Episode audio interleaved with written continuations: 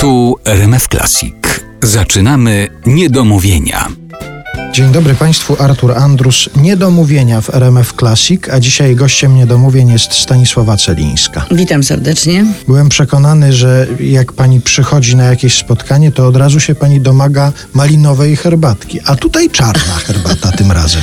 Tak, o tej porze czarna, ale wieczorem naprawdę zawsze malinowa, bo rozgrzewa, z kolei nie podnosi ciśnienia, czyli można i zasnąć, i może się zrobić cieplutko, czyli taka herbatka akurat. No, złożyła Pani hołd tej malinowej herbacie, dedykując jej całą płytę właściwie. Tak, też, ale nie tylko.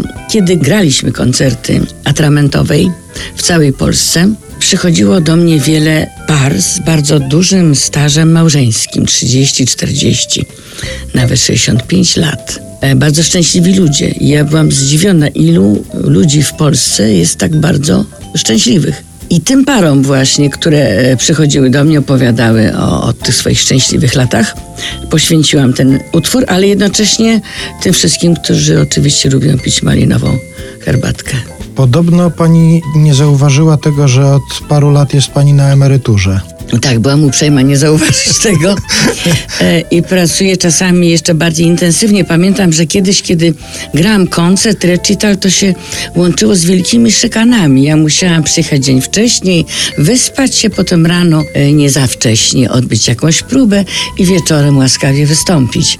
A teraz zmachana prosto z samochodu śpiewam i wszystko jest dobrze i tych koncertów jest kilka. Ale to jest przyjemne, to jest e, cudowne, ponieważ ja ludziom daję energię, ale oni mi dają też tyle energii, że wszystko się wyrównuje. Ale ja nawiązywałem do takiego fragmentu rozmowy, który znalazłem. Pani rozmowy z przyjaciółką. Tak, tak, tak. Że to pani podobno powiedziała, oj, chyba mogłabym już być na emeryturze, na co przyjaciółka zwróciła uwagę, przecież ty jesteś na emeryturze. Tak, jesteś od 11 lat na emeryturze. Ja, ja powiedziałam tak, jesteś na emeryturze, bo tak od 11 lat. Oczywiście nie wierzę w pani przypadku e, w taką prawdziwą emeryturę, ale gdyby pani na takiej emeryturze, to znaczy takiej, że się już nie jeździ, nie występuje, nie pracuje, jednak postanowiła się znaleźć, to co w pierwszej kolejności by pani zrobiła?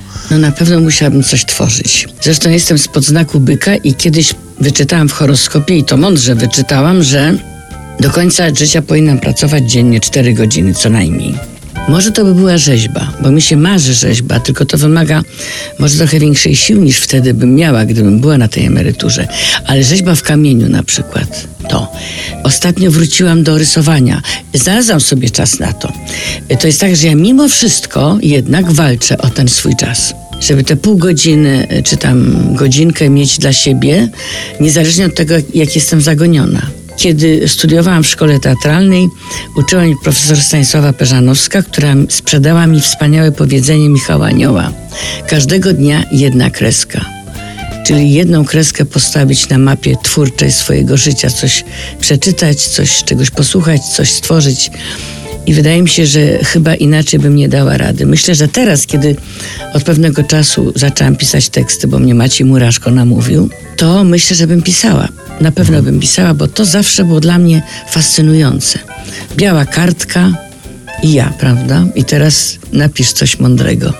Takim moim idolem, jeżeli chodzi o pisarstwo, była Maria Dąbrowska, autorka Nocy i Dni. Kiedy grałam Agnieszkę, no wypadało i nie tylko wypadało, ale chciałam przeczytać książkę, która jest fascynująca. I to dla, dla mnie dalej jest fascynujące. Oczywiście może nie jestem gotowa, żeby napisać wspaniałą powieść, ale teksty piosenek jakoś mi zaczęły wychodzić i sprawiają mi bardzo, bardzo dużo radości. Więc myślę, że ten czas spędzałabym twórczo, ale twórczo to też jest robótka. Na przykład na szydełku lubię bardzo coś wykombinować.